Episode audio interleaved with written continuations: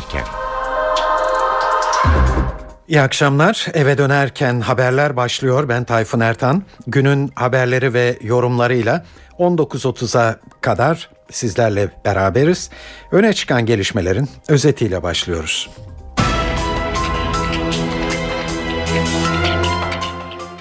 Balyoz davasının yankıları sürüyor. Bazı sanık avukatları gerekçeli kararın yayınlanmasının ardından yasaya aykırı buldukları kararı Yargıtay'a taşıyacaklarını söylediler.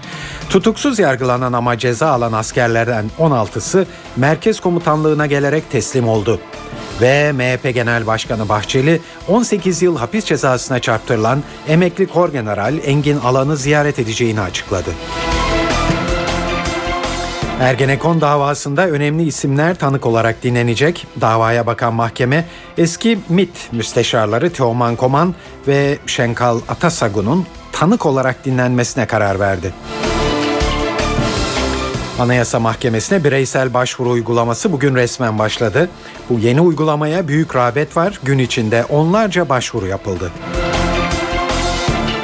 Hükümet artan harcamalar nedeniyle bozulan bütçe dengesini düzeltmek için dolaylı vergilere başvurdu.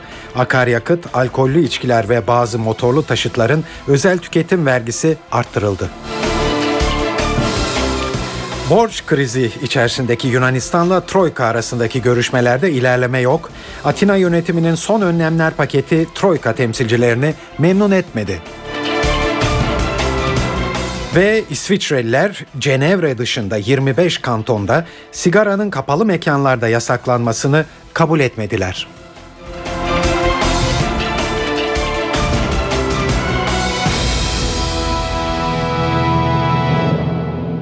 İyi akşamlar. Şimdi bu haberlerin ayrıntılarına geçiyoruz. Balyoz davasında alınan kararlar konuşulmaya devam ediliyor. Aralarında muazzaf generallerin de bulunduğu 17 kişi haklarındaki cezalara itiraz etti. Mahkemeye dilekçe veren sanık avukatları gerekçeli kararın yayınlanmasının ardından yasaya aykırı buldukları kararı Yargıtay'a taşıyacaklarını duyurdular.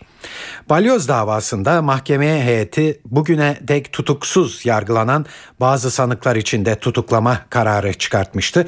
İşte bugün o askerlerden 16'sı merkez komutanlığına gelerek teslim oldu. Günün en dikkat çekici gelişmesinin haberi ise akşam saatlerinde geldi. MHP Genel Başkanı Devlet Bahçeli dava kapsamında 18 yıl hapis cezasına çarptırılan partisinin İstanbul Milletvekili emekli kor general Engin Alan'ı ziyaret edeceğini açıkladı. Günün özetini NTV muhabiri Deniz Tüysüz derledi.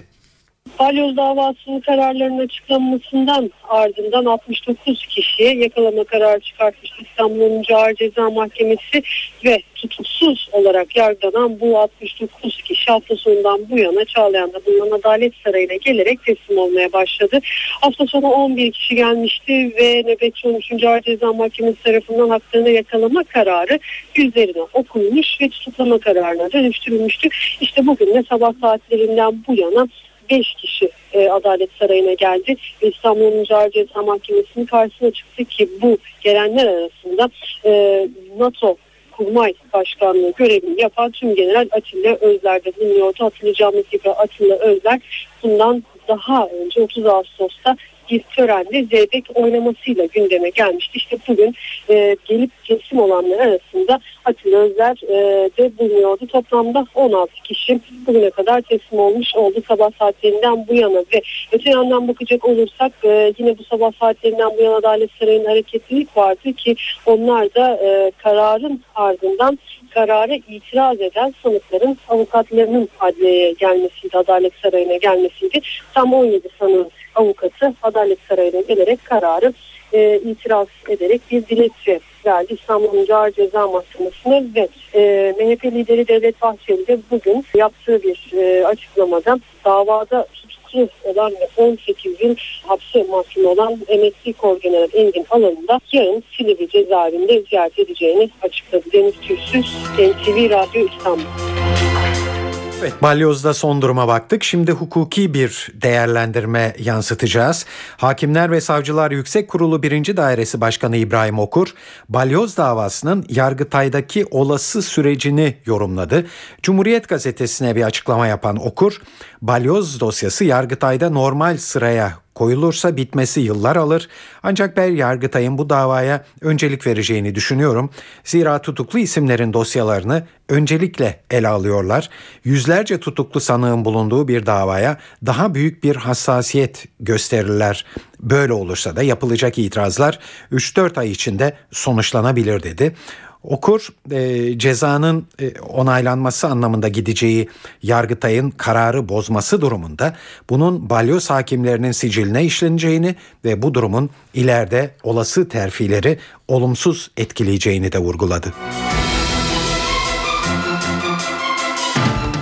Balyoz davasında Cuma akşamı kararın açıklanmasından sonra mahkeme heyetine iki kategoride eleştiriler var. Bir eleştiri yargılama sürecinde sonucu etkileyecek nitelikteki tanık ve delillerin göz ardı edildiği iddiasına dayanıyor. Diğer eleştiri ise cezaların çok ağır olduğuna. Şimdi tek tek bunları değerlendireceğiz hukukçuların gözünden. Bazı tanıkların reddedildiğini biliyoruz. Bilirkişi raporlarından bazılarının dikkate alınmadığı da yine biliniyor. Ayrıca avukatlar sanık lehine delillerin incelenmediğinden de şikayetçi oldular bir süredir. Avukat Orhan Kemal Cengiz'den dava sürecine ilişkin bu eleştirileri değerlendirmesini istedik. Burada gerekçeli kararı görmeden bir şey söylemek mümkün değil. Yani neden bu tanıkları reddetti bilemeyiz. Yani esası etkili olmayacaktı diyeceklerdir. Klasik Türkiye'deki gerekçelendirme biçimi bu. Ama o yeterli değil. Yani bu böyle bir davada e, daha fazla gerekçeye ihtiyacımız var. E, şimdi delil delil tartışmaları kısmı yine önemli. Neden e, mahkemenin belli bilir kişilerin görüşünü dikkate alırken belli olanları dikkate almadı. Bu, bunlar önemli. Belki daha da önemlisi e, hangi delilleri ve hangi delilleri esas alarak ve nasıl bir muhakeme e, yürüterek bu sonuçlara gittiğini de açıklaması lazım. Bütün bu tartışmalar aslında gerekçeli kararı görmeden e, sağlıklı bir şekilde yapılabilmesi çok e, çokça e, mümkün olmayan tartışmalar. Fakat şimdi e, bu dava bakımından şunu söyleyeyim. İş şuraya kadar vardı yani neredeyse hayali bir yargılama yapılıyor. Hayali bir darbe planı yargılanıyor noktasına kadar vardı. Ve ben bunun bu işin bu kadar egzecere edilmesinin, işin bu kadar ab abartılmasının orada e, belki de ceza almaması gereken sanıkların ceza almasına ya da gereğinden fazla ceza almasına yol açacak bir süreci de tetiklemiş olabileceğini düşünüyorum ve bundan dolayı da kaygı da duyuyorum. Gelelim ikinci temel eleştiriye. Bu cezaların çok ağır olduğu ve hep en yüksek sınırdan verilmiş olduğu iddiası. Bir de cezaların üst sınırdan verilmiş olmasına sanıkların dava sırasındaki davranışlarına dayandırılması bu eleştirinin daha da kuvvetli bir şekilde dile getirilmesine neden oluyor. Cezalarla ilgili bu değerlendirmeyi ceza hukukçusu Yılmaz Yazıcıoğlu yapıyor. Eğer bir mahkeme sanıkların yargılanan kişilerin mahkemedeki salondaki hareketlerine bakarak cezayı arttırıyorsa o hakimin çok ciddi cezalandırılması, meslekten uzaklaştırması gerekiyor. Çünkü cezayı biz suçtaki suçu işleyiş şekline bakarak veririz. Daha sonra kalk öyle bir husus da yok. Yargılanan kişilerin mahkemeyle olan tutumları, hakimde oluşan e, başka sebeplerden dolayı hakimin takdiri hafiflesi bir sebep olarak cezayı altıda bir oranda indirebilir. Fakat bizim hukukumuzda alt sınır sanık lehine uygulanır. Yani alt sınırdan üst sınıra doğru çıkılacaksa ki üste hiçbir zaman varılmaz. Yani varılan 13 yılda 20 yıl koşusu tap noktadır. O tap noktaya varabilmek için e, suçun çok vahim olarak işlenmiş olması gerekir. Halbuki ortada işlenmemiş bir suç var. İşlenmeye teşebbüs edildiğinden bahisle e, bir hmm, mahkumiyet kuruldu. O yüzden de ne tür vahim sonuçları çıktı ki mahkeme alt sınırdan da hak olmasına rağmen vazgeçti. En üst sınırla alt sınır arasında derecelendirme de yapmadı.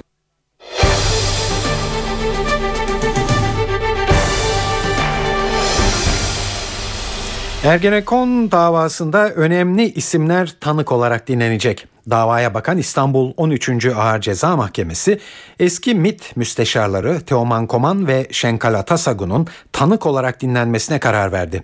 Koman ve Atasagun'un yanı sıra AKP'li Şirin Ünal ve CHP'li Emre Halıcı da tanık sıfatıyla ifade vermeleri için mahkemeye çağrıldılar.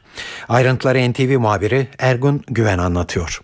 Son duruşmalarda özellikle birçok önemli tanık dinlenmişti. Eski Genelkurmay Başkanı Emekli Orgeneral Hilmi Özkök dahil birçok önemli isim burada dinlenmişti. Ve bundan sonra da dinlenecek dikkat çeken isimler var. Eski MİT müsteşarları Teoman Koman ve Şenkal Atasagun'un tanık olarak dinlenmesine karar verildi.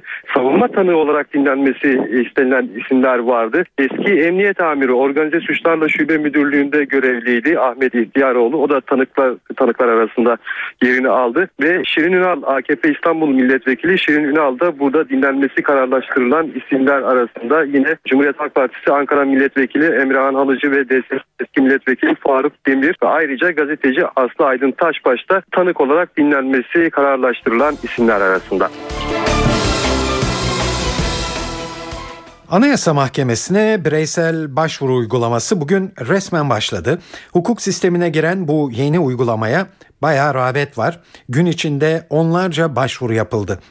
Peki uygulamadan yararlanmak için gereken şartlar neler? Yani kimler başvuruda bulunabilir ve kimler bulunamayacak? Bu önemli soruyu Yüksek Mahkemenin baş raportörü Musa Sağlam yanıtladı. Başvuru yapabilmek için bir takım şartların olması gerekiyor. Bunlardan bir tanesi de kişiler yönünden bir takım sınırlamalar getirilmiş. Aslında bu bireysel başvurunun niteliğinden kaynaklanan bir takım sınırlamalar olduğunu söyleyebiliriz. Yani her ne kadar anayasada herkes ifadesi kullanılsa da yabancılar açısından bir takım sınırlamalar var.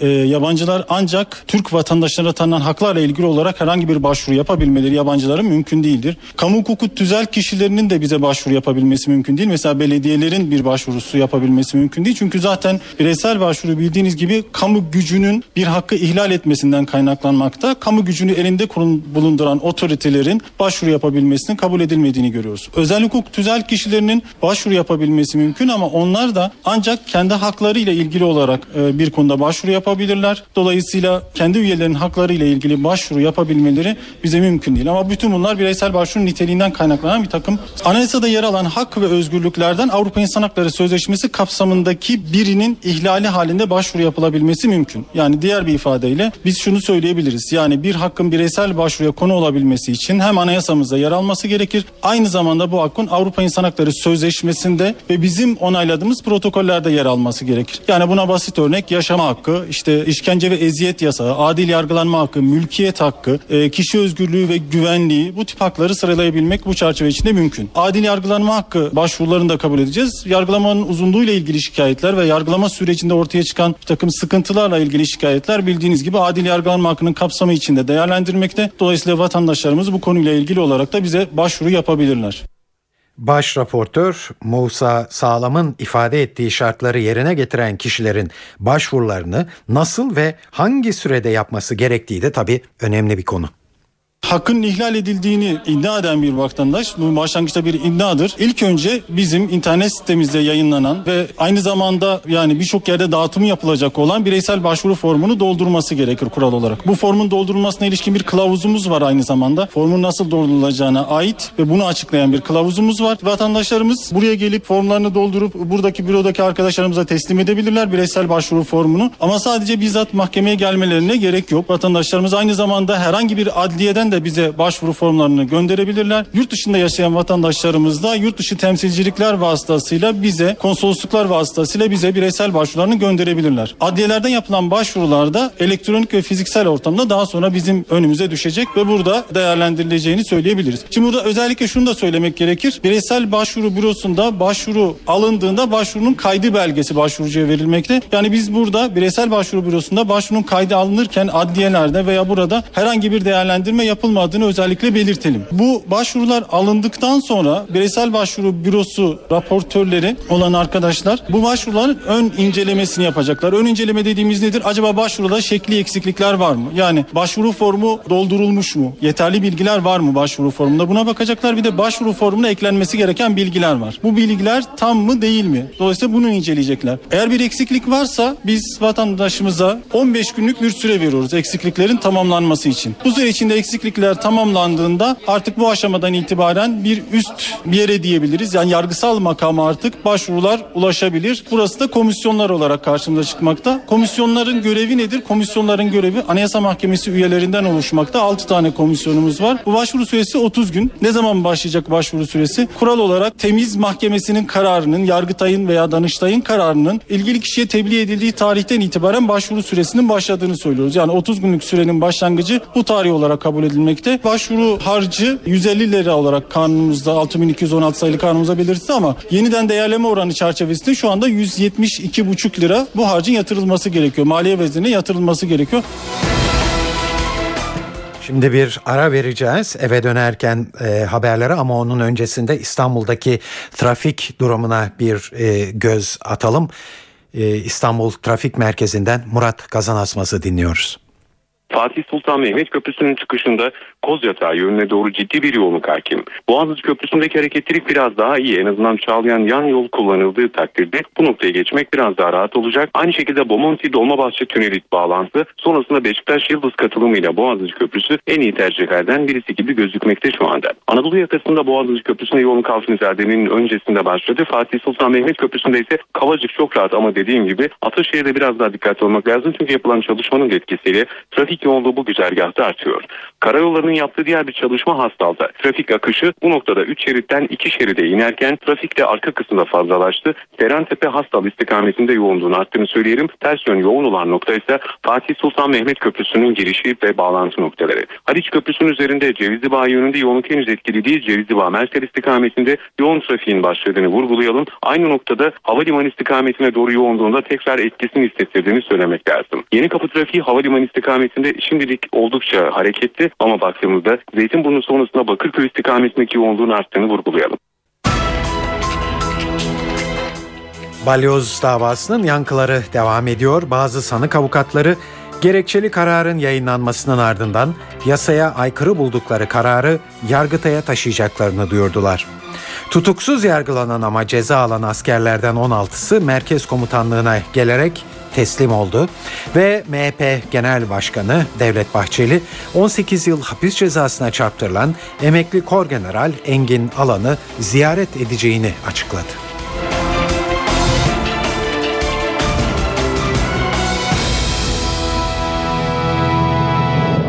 Şimdi günün diğer gelişmeleriyle devam ediyoruz. Bingöl'de 10 askerin şehit olduğu saldırıyla ilgili olarak askeri yetkililer NTV'nin sorularını yanıtladı. Merak edilen konu çok olunca yetkililerden gelen açıklama da bir o kadar ayrıntılı oldu. Yetkililer olayda istihbarat zafiyeti yaşanıp yaşanmadığı, konvoy bilgisinin birileri tarafından PKK'ya sızdırılıp sızdırılmadığı ve askerlerin neden hava yoluyla sevk edilmediği gibi kritik sorulara yanıt verdiler. Evet ayrıntıları NTV Ankara temsilcisi Nilgün Balkaş'tan dinliyoruz.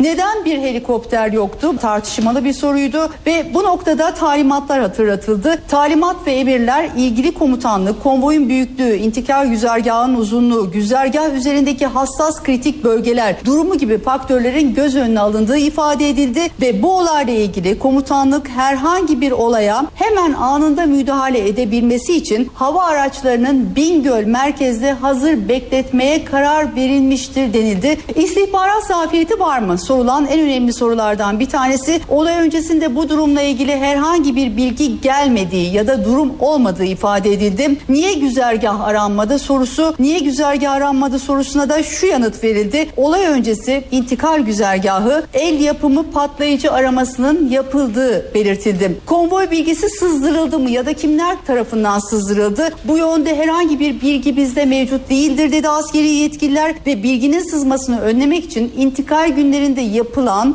aldatmaca, zamanlama zamanlamada aldatmaca tedbirlerinin burada da uygulandığını söylediler. Yeterli önlem alındı mı? İşte bu da tartışılıyordu. Yeterli önlemin alındığı ifade edildi. 25 ayrı kontrol noktasında yolun emniyetinin timlerce alınmış olduğunu ifade ettiler ve olası bir herhangi bir gelişmeye müdahale etmek üzere silahlı helikopterin Bingöl merkezde hazır bekletildiği ve alınan tedbirlerinde yeterli olduğunu belirtti askeri üst düzey yetkililer gelişmeler bu konuyla ilgili olarak. Kasım 2011'den itibaren askeri personelin imkanlar ölçüsünde Hava Kuvvetleri Komutanlığı'nın uçaklarından ve bölgedeki helikopterlerden istifade ederek hava yoluyla taşındığını bu kapsamda bugüne kadar 10.352 personelin havadan intikalinin sağlandığı belirtildi. Ayrıca konuyla ilgili olarak Milli Savunma Bakanlığı ile havayolu şirketleri arasındaki görüşmelerin devam ettiğini ancak her halükarda bu dikkat çekici bir unsur uygulamada bütün intikallerin hava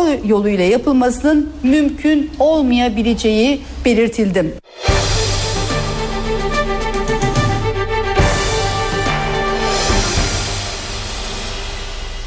Hükümet temsilen hiçbir görüşme yapmadık biz. Ama devlet geçmişte de olduğu gibi istihbaratla yani bu işleri yapmakla görevli olan aygıtını kullanarak görüşme yapmış olabilir. Bu görüşmeye tekrar ihtiyaç var mı bu tür görüşmeye efendim? İhtiyaç olursa görüşülür. Belki de görüşülüyor. Yani en azından MIT açısından. Yani MIT çünkü bu terörü sona erdirmek için bütün bağlantıları dikkate alır. MIT bunu yapmazsa zaten görevini yapmamış olur. Başbakan Yardımcısı Bülent Arınç'ın Oslo görüşmelerine dönük sözlerine bir diğer Başbakan Yardımcısı Bekir Atalay'dan yanıt geldi. Atalay, biz Türkiye'nin birliği, bütünlüğü için gerektiğinde yine o tür görüşmeleri yaparız. Bütün yapılanlar ve gelecekte yapılacaklar Türkiye'yi bu problemlerden kurtarmak içindir diye konuştu. Beşir Atalay şu anda benzer görüşmeler yapılıp yapılmadığına dönük soruya devletin kurumlarının şu anda o manada bir inisiyatifi yok ama bizim bu konulardaki çalışmalarımız devam ediyor edecek. Barzani ile Kuzey Irak'la zaten belli görüşmeler, çalışmalar var diye yanıt verdi. Başbakan yardımcısı CHP sözcüsü Haluk Koç'un Oslo'da varıldığı ileri sürülen mutabakatla ilgili metni yayınlamasını ve devletin PKK'ya bir dizi sözler verdiği iddiasını da değerlendirdi. Atalay bunlar 8 ay önce iki gazetede yayınlanmıştı. Şu ana kadar hükümetin örgütle herhangi bir kimseyle bir mutabakatı yoktur. Birilerinin talepleri, düşünceleri olmuş olabilir ama bu belgelerin altında hiç kimsenin imzası yok diye konuştu. Atalay'ın eleştirdiği Haluk Koç bugün Oslo görüşmelerine ilişkin yeni değerlendirmeler yaptı. Koç hükümetin ancak silah bıraktırma gündemiyle terör örgütüyle görüşebileceğini söyledi. Ancak Oslo'da yapılan teröristlerle siyasi muhataplıktır diye konuştu. Oslo'da tilki postuna bürüneceksin. Türkiye'de konjonktürel milliyetçilik yapmaya devam edeceksin. Bunu artık millete de yutturamazlar. Takke düştü Tayyip Bey için kel göründü artık. Terör örgütüyle görüşebilirsin. Tek koşulla silah bıraktırtma gündemiyle. Onun dışında örgütü siyasi muhatap olarak karşına alıp Türkiye'nin anayasasından kamu düzenine kadar her boyutta bir siyasi muhataplık verirsen bunu herkesin vicdanına bırakır. Hakem devlet taraflar adına kim bu taraflar? PKK tarafı, Türk tarafı. Garabete bakar mısınız? Onlar adına taraf devlet imzalıyor, arşivine alıyor. Siyaset cephesinden gelen değerlendirmeler böyleydi Oslo görüşmeleri bağlamında. Gün içinde PKK'nın şehir yapılanması olarak görülen KCK'dan da Oslo görüşmelerine ilişkin bir açıklama geldi. KCK'nın üst düzey isimlerinden Zübeyir Aydar, devletle yeniden görüşmeye hazırız dedi. Aydar sürecin tıkanmasından hükümeti sorumlu tuttu ve görüşmelere yeniden başlamak istediklerini ifade etti. Aydar devletle 2011'in Mayıs'ında yapılan son görüşmede Abdullah Öcalan'ın hazırladığı 3 protokolün tartışılmasının kararlaştırıldığını ancak kendilerine bir cevap verilmediğini iddia etti. Görüşmelere dair belgelerin yayınlanmasını eleştiren Aydar, silah bırakılırsa görüşülsün önerilerini de bilgisizlik olarak niteledi. Zübeyir Aydar sorun diyalog yoluyla halledilmeli, süreç devam etseydi son kayıplar olmazdı diye konuştu. 12 Eylül darbesinin mimarları Kenan Evren ve Tahsin Şahinkaya Meclis Darbe ve Muhtıraları Araştırma Komisyonu'na randevu vermedi.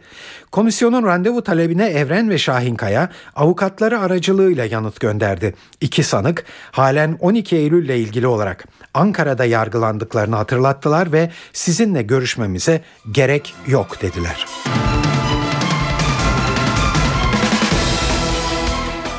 Geçen hafta top seslerinin duyulduğu Akçakale sınırı kapısı bugün sakin.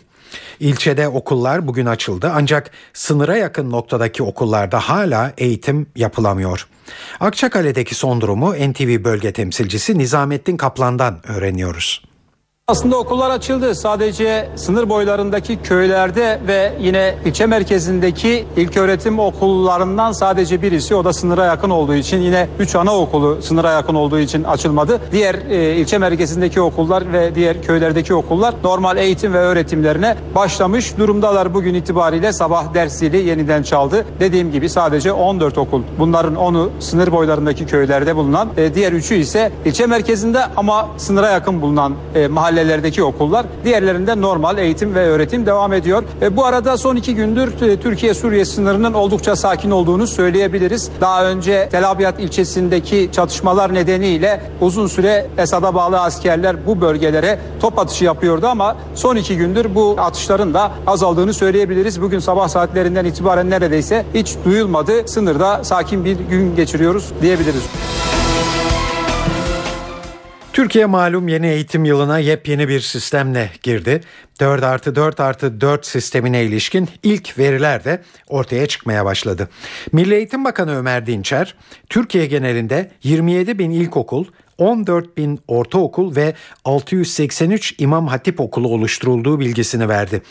Bakanlığın seçmeli derslere ilişkin ilk verilerine göre, göre ise Hazreti Muhammed'in hayatı öğrencilerin en çok tercih ettiği derslerin başında geldi. Tüm bu verilerin ayrıntılarını muhabirimiz Özden Erkuş derledi. 4 artı 4 artı 4 eğitim sistemine geçilmesiyle birlikte sisteme uyum amacıyla dönüştürülen okulların sayısı ve öğrencilerin seçmeli ders tercihlerine ilişkin ilk verilerde ortaya çıkmaya başladı. Sistemle birlikte 683 İmam Hatip Ortaokulu açıldı. Seçmeli ders tercihi ise Hazreti Muhammed'in hayatı oldu. Cumhuriyet Halk Partili Sakine Öz'ün dönüştürülen okul sayısına ilişkin soru önergesini yanıtlayan Milli Eğitim Bakanı Ömer Dinçer, Türkiye genelinde 27.922 ilkokul, 14.090 ortaokul ve 683 İmam Hatip Ortaokulu oluşturulduğu bilgisini verdi. Bakan Dinçer İstanbul özelinde ise ilköğretim okullarından 292 ilkokul, 168 ortaokul olmak üzere toplam 460 okulun dönüştürüldüğünü İlk öğretim okullarından 85 tanesinin ise İmam Hatip Ortaokulu yapıldığını açıkladı. Yeni eğitim sisteminin önemli unsurlarından birini oluşturan seçmeli derslerle ilgili Milli Eğitim Bakanlığı'nca derlenen ilk bilgilerde ortaya çıktı. Bazı illerin şehir merkezlerindeki okullardan alınan ilk verilere göre öğrencilerin tercihi Hz. Muhammed'in hayatı oldu. Kur'an-ı Kerim ve matematik uygulamaları dersleri ise aynı oranda seçildi. Bu üç dersin dışında zeka oyunları, drama, spor ve fiziki etkinlikler, temel dini bilgiler, okuma becerileri, yazarlık ve yazma becerileri derslerine de ilgi gösterildi. En az tercih edilen derslerse bilim uygulamalarıyla müzik ve görsel sanatlar dersleri oldu. Doğu ve Güneydoğu illerinde öğrenim gören öğrencilerin seçmeli ders tercihinde ise Kürtçe en çok seçilen dersler arasında yer aldı. Örneğin Diyarbakır'da Kürtçe seçmeli dersi Hz. Muhammed'in hayatı, Kur'an-ı Kerim ve matematik derslerinin ardından en çok seçilen dördüncü dersi oldu. Özden Erkuş, NTV Radyo, Ankara. 8. Cumhurbaşkanı Turgut Özal'ın mezarının önümüzdeki birkaç ay içinde e, açılması bekleniyor. Gün içinde Turgut Özal'ın oğlu Ahmet Özal İstanbul Cumhuriyet Başsavcısı ile görüştü. Özal çıkışta NTV muhabiri Deniz Tüysüz'ün sorularını yanıtladı. Özal, babam olarak düşündüğümde mezarın açılmasını istemiyorum ancak karanlık bir dönemin aydınlatılması da önemli dedi. Ahmet Özal, annesinde bulunan Turgut Özal'a ait saç tellerinin de savcılığa verileceğini ifade etti. Sayın Başsavcı benim çok memnunluk duyacağım şekilde bir çalışma yaptığını gördüm. Titizce, hassas bir şekilde önemli e, olduğunu bildiği için gayet ciddi davranıyorlar, gayet ciddi çalışıyorlar. Kendilerine teşekkür ediyorum. Mezarın açılması o kadar büyük bir mesele değil ancak açıldıktan sonra yapılması gerekenler, açılırken yapılması gerekenler, uzmanlar, kişiler, natılar bunun ön çalışması çok ciddi bir şekilde yapıldığını gördüm. Tabii açılması bu kadar kısa sürede olmayabilir. Olmaması olması da gerekmiyor. Zaten 19 sene geçmiş. Birkaç hafta daha bekleyebilir. Ama açıldıktan sonra ve kapandıktan sonra bu eksik yapıldı, şu fazla yapıldı, bu doğru yapılmadı gibi lafların olmaması ve bir defa için bunun kapanması için yapılan çalışmalar, ön çalışması biraz daha sürecek. Turgut Özal benim babam. Öyle baktığımda istemiyorum. Turgut Özal Cumhurbaşkanı ve 90'lı yılların en karanlık yıllarında hayatını kaybetmiş e, ve nasıl şüpheli ölümü artık be- belirliyor herkes tarafından. Fakat o yıllarda onun gibi o 90'lı yılların başında karanlık yıllarda hayatını böyle kaybeden insanlar var. O yılların belki temizlenmesinin bir başlangıcı olacak bu çalışmalar. Ben 98'den 99'dan beri meclise önerge veren bir milletvekiliydim. Bugüne denk geldi. Sayın Cumhurbaşkanımız devlet denetlemeyi çalıştırdı. Kendisine teşekkür ederim. Ama bu geçmişimizin de bir artık açığa kavuşması ve bu sayfadan artık kapanması lazım. Şimdi anneniz saç tellerini verecek mi? E gayet tabii verilecek. Şimdi bakın bu saç tellerinin bütün uzmanların söylediği hiçbir şey çıkarmaya, hiçbir şey ifade etmeyebilir. Çünkü o ağır maddeler, ağır zehirler, hafif yumuşak doku zehirleri farklı şeyler. Orada hiçbir şey çıkmayabilir. Mühim olan açıldıktan sonra ki yine saç telleri var orada, yine kemikler var ve toprak var. Toprağa sızan zehirler var. O çok daha manalı olurdu. Şimdi mesela bu saç telleri niye verilmedi, niye analiz yapılmadı? O saç telleri verilip analiz yapılsaydı ve zaten büyük bir ihtimalle o saç telleri kökünden değil de ucundan kesildiği için hiçbir şey ifade etmeyecek. Esas itibariyle yapılması gerekenler de yapılmayacaktı. Peki efendim size net bir bilgi verdiler mezarın açılış tarihiyle ilgili ve siz o tarihte orada olacaksınız. değil mi? Ben orada olacağım. Tabii ki net bir tarih yok. Bir, hiç kimsenin acelesi de yok. 19 sene sonra doğru çalışmalar bittikten sonra tarih verilecek ama benim tahminim öyle birkaç hafta içinde olacak bir şey değil. Başbakan Erdoğan'ın koruma ekibi sil baştan değişiyor. Başbakanın yakın koruması 5 ekip amiri ve 4 emniyet müdürü görevden alındılar. Başbakanlıkta görevli 300 polisin daha görev yerlerinin değiştirileceği anlaşılıyor. Bu değişimin ayrıntılarını muhabirimiz Ercan Gürses'ten öğreniyoruz. Başbakan Erdoğan'ın koruma ekibi sil baştan değişiyor. Erdoğan'ın yakın koruması 5 ekip amiri ve 4 emniyet müdürü görevden alındı. 3 polisin alınması ise önümüzdeki günlerde gerçekleşebilir. Başbakanlığın koruma kalkanında üst yönetimden başlayan değişiklik kademe kademe aşağı doğru yayılıyor. Başbakanlıkta kısa zaman önce koruma daire başkanlığına Ramazan Bal, koruma müdürlüğüne de Muhsin Köse getirilmişti. İki isim göreve başlamalarından kısa süre sonra ekibi de değiştirmeye başladı. İlk olarak Erdoğan'ı koruyan ekiplerin amirleri görevden alındı. 5 ekip amiri polis akademisine atandı. Yerlerine ise henüz atama yapılmadı. Yine başbakanlıkta görevli 4 emniyet müdürüyle de yollar ayrıldı. Koruma Daire Başkanlığı görevden almaları ilişkin bir açıklama yapmadı. Erdoğan'ı koruyan 300 polisin daha görev yerlerinin değiştirilebileceği belirtiliyor. Ercan Gürses, NTV Radyo Ankara. Hükümet artan harcamalar nedeniyle bozulan bütçe dengesini düzeltmek için dolaylı vergilere başvuruyordu. Akaryakıt, alkollü içkiler ve bazı motorlu taşıtların özel tüketim vergisi arttırıldı. Ancak bu adım mahkemelik de oldu. İstanbul'da bir avukat kararın iptali ve yürütmesinin durdurulması için Danıştay'a dava açtı. Artırımların keyfi olduğu belirtilen dilekçede ekstra vergilerin anayasaya aykırı olduğuna dikkat çekildi. Bu arada Maliye Bakanlığı vergi artışlarının bütçeye katkısını da hesapladı. Buna göre yeni düzenlemeler 2013 bütçesine 9 milyar lira katkı sağlayacak. Zamların bu yıla katkısı ise 3 milyar lira olacak. Evet şimdi para ve sermaye piyasalarında bugün yaşanan e, gelişmelerle devam edelim. CNBC'den Benel Hızarcı anlatıyor.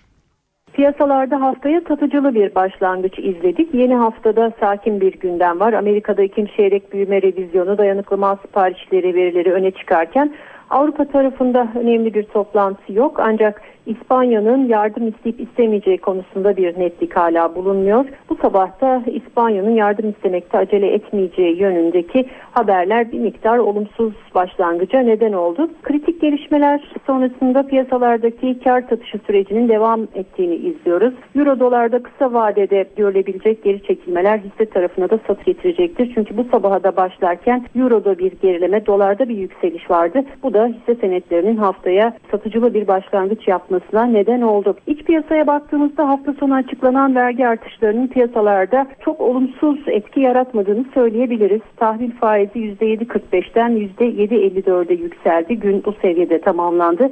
E, hisselerde söylediğimiz gibi zaten dışa bağlı bir satıcılı başlangıç vardı. Bu vergi paketinden 8-9 milyar liralık bir gelir hedeflendiğini izliyoruz yapılan açıklamalardan. Gelen raporlara göre de yıllık enflasyona eğitiminin 0,5 ila 1 puan arasında olması bekleniyor. Ancak yılın son çeyreğinde baz etkisiyle enflasyondaki düşüşün e, zamlara rağmen devam etmesinin beklendiğini izliyoruz. Zamların enflasyona etkisiyle ilgili henüz Merkez Bankası'ndan bir açıklama yok. Bu açıklamalarda yine olursa dikkatle takip edilecektir. İstanbul Menkul Kıymetler Borsası'ndaki satışlar bugün endeks 67.207 puan seviyesine çekti. Günün sonunda %1,01'lik bir değer kaybı izliyoruz. Dolarda sabah küresel olarak değer artışına bağlı bir yükseliş vardı. 1.80 civarında gün içinde işlemler devam etti. Günün kapanışının ise 1.79.80'den gerçekleştiğini görüyoruz.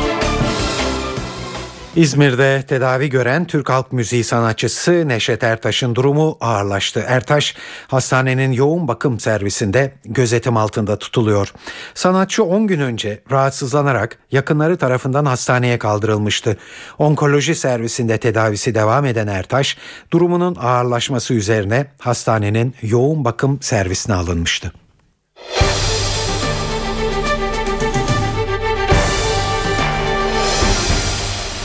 NTV Radyo'da eve dönerken haberleri dünyada en çok konuşulan haberlerle e, devam ediyoruz.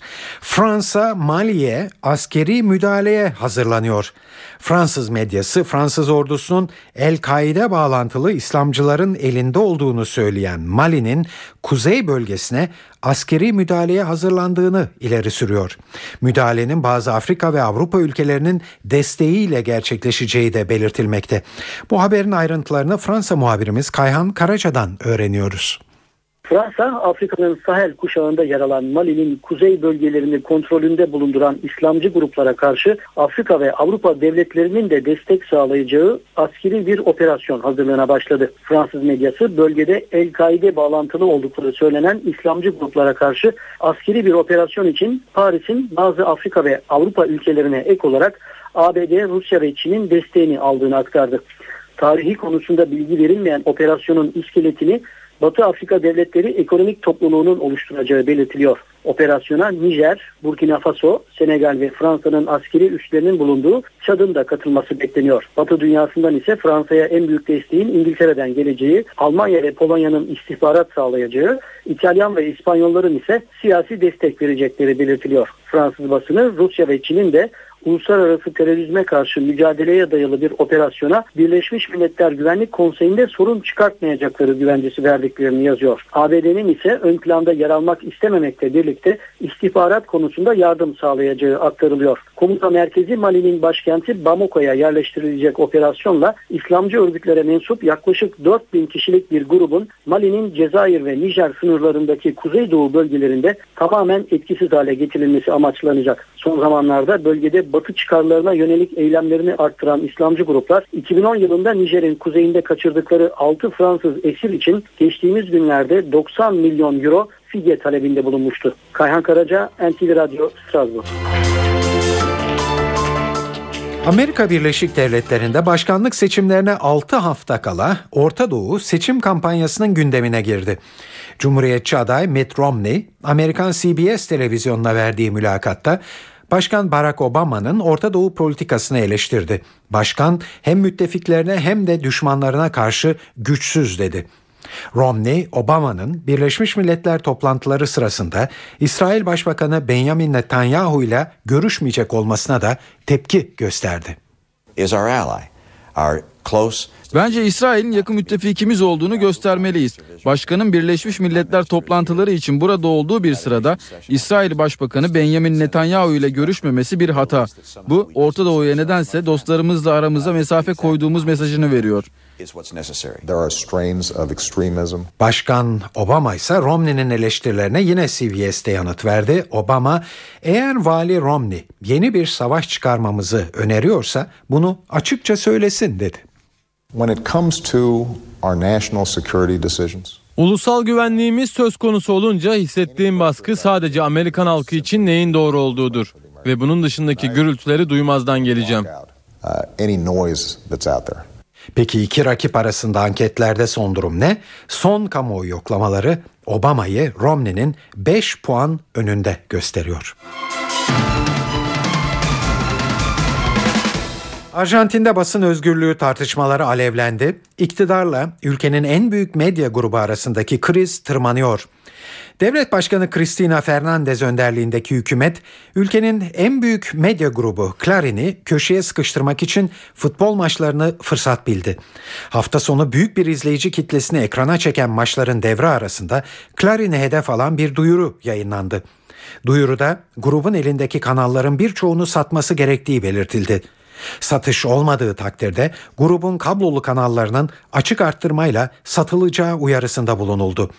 Hükümet bu sayede ülkede tekerleşmenin sona ereceği ve medyanın demokratikleşeceğini savundu. Clarin yönetimi ise hükümeti yasa dışı yollarla gruba el koymaya çalışmakla suçluyor. Yönetim yaklaşık iki hafta önce hükümet karşıtı gösterilerin geniş şekilde yayınlanması nedeniyle baskıya maruz kaldığını iddia ediyor. Medya devi Clarin'in bünyesinde 240 kablolu kanal, 10 radyo, 4 ulusal kanal ve ülkenin en çok satan gazetesi bulunuyor.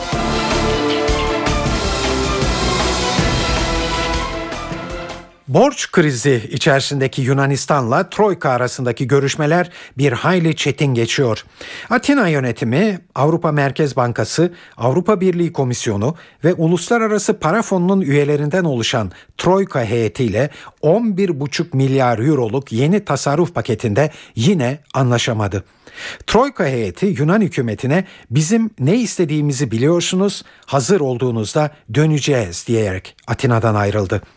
Alınan bilgilere göre Troika, Yunan hükümetinin hazırladığı kesinti paketinde devlet sektörünün yeniden yapılandırılması ile ilgili tedbirlere karşı çıktı. Çok sayıda devlet kuruluşunun birleştirilmesi, bazılarının da kapatılması ile ilgili bu tedbirle ilgili olarak Troika'nın sorusu çalışanları işten çıkaracak mısınız oldu. Hayır, başka birimlere göndereceğiz cevabı alınca da tedbiri kabul etmedi Troika. Bazı askeri kışlaların kapatılması, silah siparişleri için imalatçı firmalardan tenzilat istenmesi gibi savunma harcamalarında 517 milyon euro tasarruf yapılması tedbirini ise Troika heyeti komik buldu. Heyet subay maaşlarında ciddi kesinti istedi. Ayrıca sağlık için önerilen kesintileri de yetersiz buldu.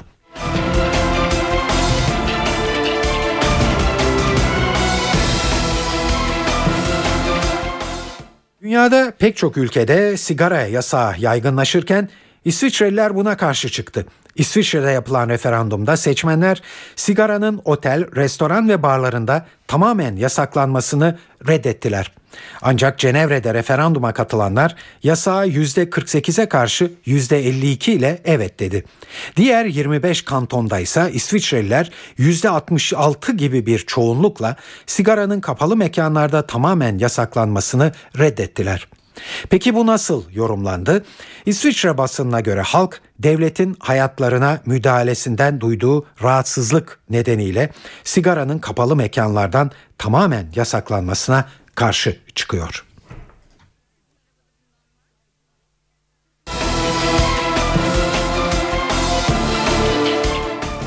Evet şimdi NTV'de hava durumuyla devam edeceğiz. Ee, eve dönerken haberlere Gökhan Abur'u dinliyoruz.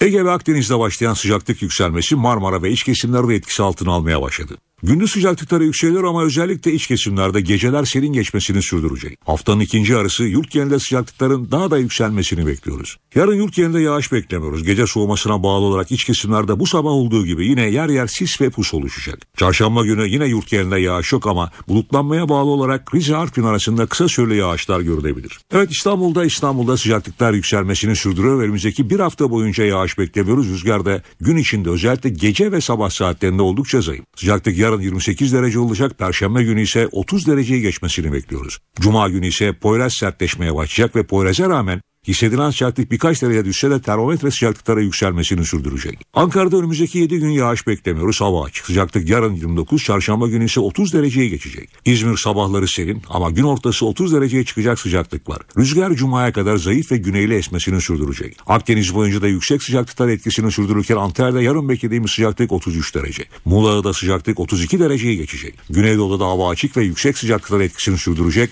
Doğuda ise gündüz sıcaklıkları yüksek ama gece sıcaklıkları oldukça düşük seviyelerde olacak. Balyoz davasının yankıları sürüyor. Davaya bakan mahkemenin başkanı Ömer Diken az önce bir açıklama yaptı ve gerekçeli kararımızı mümkün olan en kısa sürede hazırlayacağız diye konuştu. Bazı sanık avukatları gerekçeli kararın yayınlanmasının ardından yasaya aykırı buldukları kararı Yargıtay'a taşıyacaklarını duyurdular. Tutuksuz yargılanan ama ceza alan askerlerden 16'sı merkez komutanlığına gelerek teslim oldu. Ve MHP Genel Başkanı Bahçeli 18 yıl hapis cezasına çarptırılan emekli Korgeneral Engin Alan'ı ziyaret edeceğini açıkladı.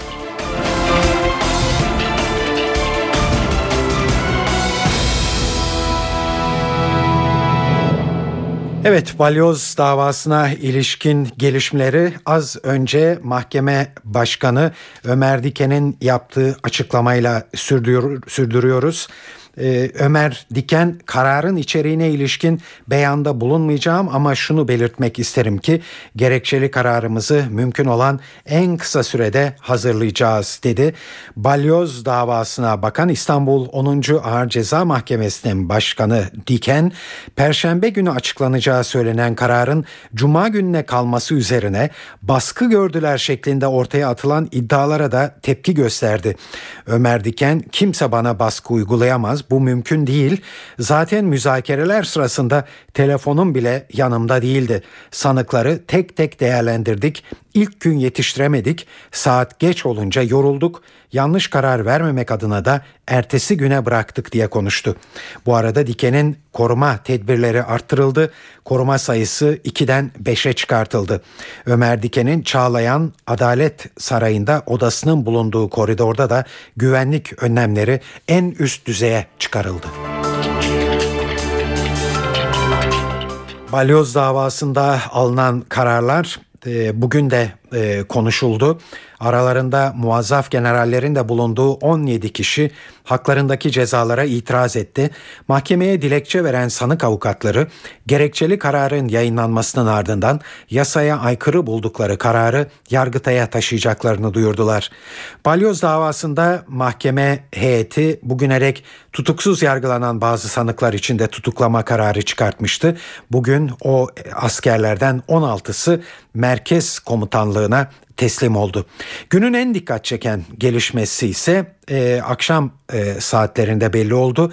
MHP lideri Devlet Bahçeli dava kapsamında 18 yıl hapis cezasına çarptırılan partisinin İstanbul milletvekili emekli Korgeneral Engin Alan'ı ziyaret edeceğini açıkladı. Günün özetini NTV muhabiri Deniz Tüysüz'den dinliyoruz.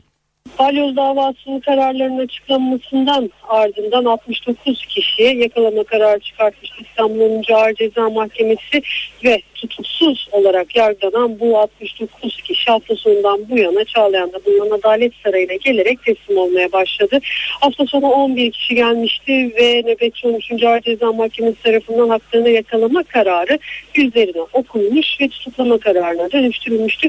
İşte bugün de sabah saatlerinden bu yana 5 kişi e, Adalet Sarayı'na geldi. İstanbul 10. Ağır Ceza Mahkemesi'nin karşısına çıktı ki bu gelenler arasında e, NATO Kurmay Başkanlığı görevini yapan tüm General Atilla Özler de bulunuyordu. Hatırlayacağımız gibi Atilla Özler bundan daha önce 30 Ağustos'ta bir törende zeybek oynamasıyla gündeme gelmişti. İşte bugün e, gelip teslim olanlar arasında Atilla Özler e, de bulunuyordu. Toplamda 16 kişi bugüne kadar teslim olmuş oldu sabah saatlerinden bu yana ve öte yandan bakacak olursak e, yine bu sabah saatlerinden bu yana Adalet Sarayı'nın hareketlilik vardı ki onlar da e, kararın ardından karara itiraz eden sanıkların avukatlarının adliyeye gelmesiydi, Adalet Sarayı'na gelmesiydi. Tam 17 sanığın avukatı Adalet Sarayı'na gelerek kararı e, itiraz ederek bir dilekçe verdi İstanbul Ağır Ceza Mahkemesi'ne ve e, MHP lideri Devlet Bahçeli de bugün yaptığı bir e, açıklamada davada tutuklu olan ve 18 yıl hapse mahkum olan emekli Korgeneral Engin Alan'ı yarın Silivri cezaevinde ziyaret edeceğini açıkladı. Deniz Tüysüz, NTV Radyo İstanbul. Hakimler ve Savcılar Yüksek Kurulu 1. Dairesi Başkanı İbrahim Okur, balyoz davası kararlarının temiz süreciyle ilgili açıklamalar bulundu. Cumhuriyet gazetesine konuşan Okur, balyoz dosyası Yargıtay'da normal sıraya koyulursa bitmesi yıllar alır. Ancak ben Yargıtay'ın bu davaya öncelik vereceğini düşünüyorum. Zira tutuklu isimlerin dosyalarını öncelikle ele alıyorlar. Yüzlerce tutuklu sanığın bulunduğu bir davaya daha büyük bir hassasiyet gösterirler. Böyle olursa da yapılacak itirazlar 3-4 ay içinde sonuçlanabilir dedi. Okur Yargıtay'ın kararı bozması durumunda bunun balyoz hakimlerinin siciline işleneceğini ve bu durumun ileride olası terfileri olumsuz etkileyeceğini vurguladı.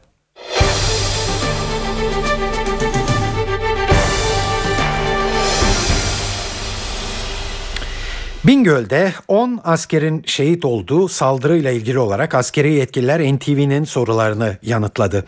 Merak edilen konu çok olunca yetkililerden gelen açıklamalar da tabii bir o kadar ayrıntılı oldu.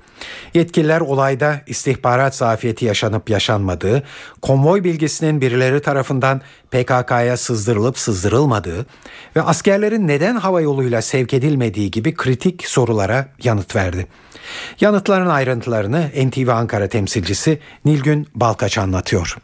Neden bir helikopter yoktu? Tartışmalı bir soruydu ve bu noktada talimatlar hatırlatıldı. Talimat ve emirler ilgili komutanlık, konvoyun büyüklüğü, intikal güzergahının uzunluğu, güzergah üzerindeki hassas kritik bölgeler, durumu gibi faktörlerin göz önüne alındığı ifade edildi ve bu olayla ilgili komutanlık herhangi bir olaya hemen anında müdahale edebilmesi için hava araçlarının Bingöl merkezde hazır bekletmeye karar verilmiştir denildi. İstihbarat zafiyeti var mı? Sorulan en önemli sorulardan bir tanesi. Olay öncesinde bu durumla ilgili herhangi bir bilgi gelmediği ya da durum olmadığı ifade edildi. Niye güzergah aranmadı sorusu, niye güzergah aranmadı sorusuna da şu yanıt verildi. Olay öncesi intikal güzergahı el yapımı patlayıcı aramasının yapıldığı belirtildi. Konvoy bilgisi sızdırıldı mı ya da kimler tarafından sızdırıldı? Bu yönde herhangi bir bilgi bizde mevcut değildir dedi askeri yetkililer ve bilginin sızmasını önlemek için intikal günlerinde üzerinde yapılan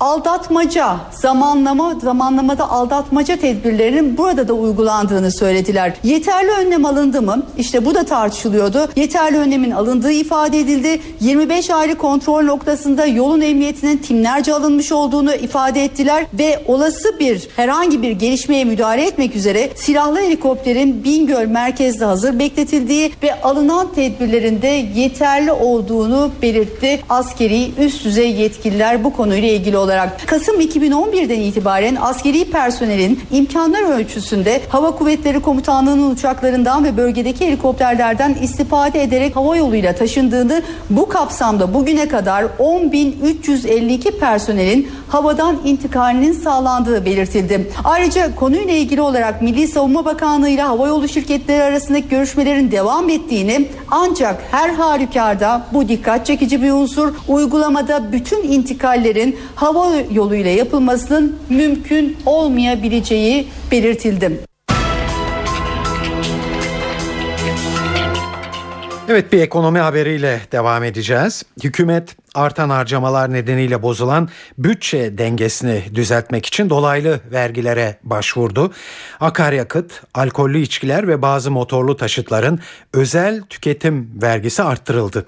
Ancak bu adam bu mahkemelik de oldu. İstanbul'da bir avukat kararın iptali ve yürütmesinin durdurulması için Danıştay'a dava açtı. Artırımların keyfi olduğu belirtilen dilekçede ekstra vergilerin anayasaya aykırı olduğuna dikkat çekildi. Bu arada Maliye Bakanlığı vergi artışlarının bütçeye katkısını da hesapladı. Buna göre yeni düzenlemeler 2013 bütçesine 9 milyar lira katkı sağlayacak. Zamların bu yıla katkısı ise 3 milyar lira olacak. Televizyon Oscar'ları sahiplerini buldu. Amerika'nın Los Angeles kentinde düzenlenen geceye Homeland dizisi damga vurdu. Homeland en iyi dizi ve en iyi senaryo ödülünü kazandı. Homeland'deki rolleriyle Claire Danes en iyi kadın, Damian Lewis ise en iyi erkek oyuncu ödülüne layık görüldü. Komedi dalında en iyi dizi Modern Family oldu. Komedide en iyi kadın oyuncu ödülünü VIP dizisindeki rolüyle Julia Dreyfus, en iyi erkek oyuncu ödülünü ise CNBC'ye dizisi Two and a Half Men'deki rolüyle Johnny Cryer kazandı. Mini seri adı verilen kısa soluklu diziler dalında en iyi dizi olarak Game Chance seçildi. Bu alanda en iyi erkek oyuncu ödülünü Hatfields ve McCoy'daki rolüyle Kevin Costner aldı. Şimdi futbol dünyasından birkaç haber var önümüzde. Süper Lig'de 5. hafta bu akşam oynanacak derbiyle tamamlanıyor. Avrupa Ligi'ne iyi bir başlangıç yapamayan Fenerbahçe Trabzonspor'la evinde karşılaşacak. Sözü fazla uzatmayalım. Kadıköy'e gidelim şimdi ve olası 11'leri ayrıca stadyumdaki atmosferi NTV Spor muhabiri Aykut Yıldırım'dan öğrenelim. 5. haftanın kapanış mücadelesi Kadıköy'de Fenerbahçe'nin konuğu Trabzonspor olacak bugün.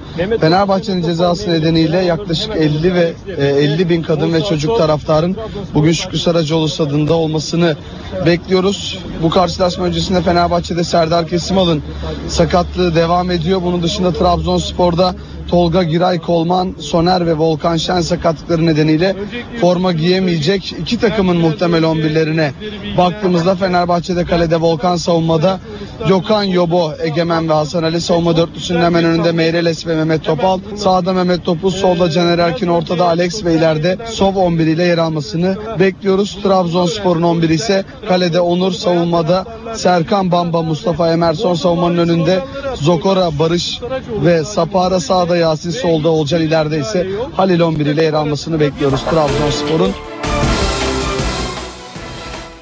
Bu arada Türkiye Kupası maçları da yarın başlıyor. Beşiktaş Amatör Lig ekiplerinden Niğde Spor'la karşılaşacak.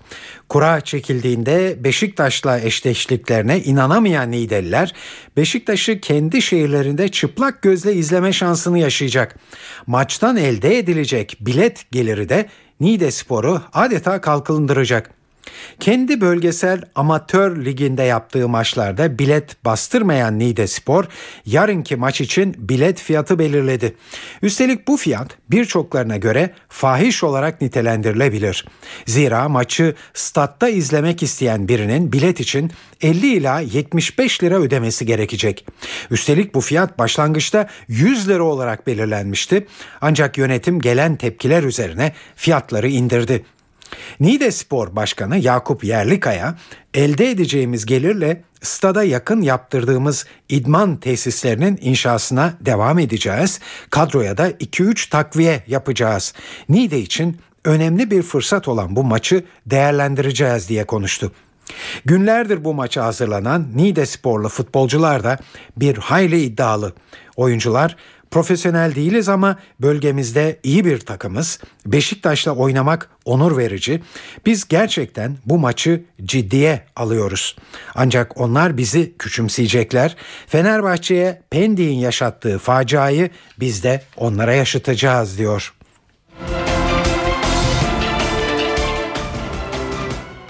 Ve yine futbolla devam ediyoruz. Geçen yılki şampiyonluğun ardından bu sezon ligde zor günler geçiren İspanyol devi Real Madrid'in dün akşam deplasmanda oynaması gereken müsabaka stat aydınlatmasında yaşanan sorun nedeniyle ertelendi. Madrid'deki Rayo stadında yapılacak karşılaşmadan yarım saat önce sahaya çıkan hakem aydınlatmayı yetersiz buldu. Görevlere yarım saat süre veren Borbolan gerekli iyileştirme sağlanamayacağında maçı erteledi. Rayo Vallecano'nun yöneticileri arızanın sabotajdan kaldığı kaynaklandığını söylediler. Rayo kulübünün başkanı Martin Perasa kablolar kesilmiş bu bir sabotaj diye konuştu. Ertelenen maçın bugün 20.45'te oynanacağı açıklandı. Gelelim kültür ve sanat dünyasından haberlere. Size çeşitli etkinliklerden bir derleme sunuyoruz.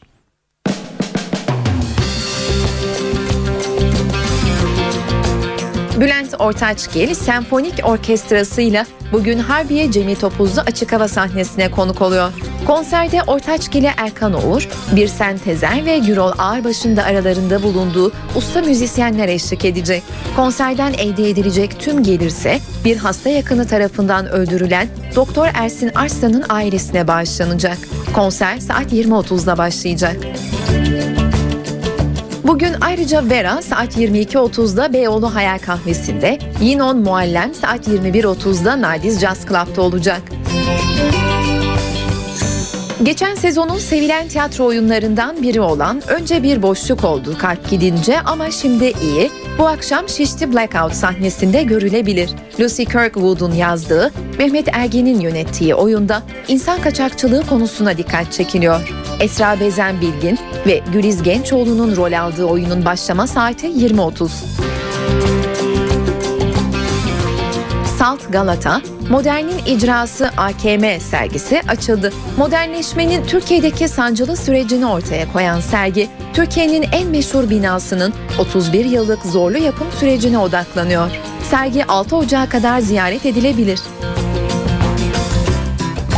Türkiye'nin ve Yunanistan'ın iki dev sanatçısı Zülfü Livaneli ve George Dalaras, Türkiye Özel Sporcular Spor Eğitim ve Rehabilitasyon Derneği yararına bugün İzmir Bornova Açık Hava Tiyatrosu'nda buluşuyor. Konser saat 21'de başlayacak. Eğer evde olursanız CNBC'de bu akşam fantastik sinemanın öncü yapımlarından The Lord of the Rings, The Return of the King izlenebilir. Öncesinde ise 19'da Better With You, 20'de The Axes ve 21'de ise CSI New York dizileri ekranda olacak. Breaking Bad final sezonuyla bugün E2'de başlıyor.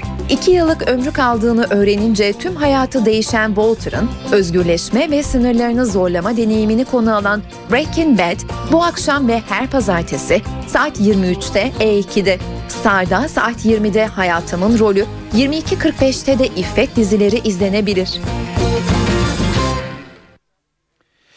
Evet şimdi sırada hava durumu var. Bunun içinde her zaman olduğu gibi NTV Meteoroloji Editörü Gökhan Abur'u dinliyoruz.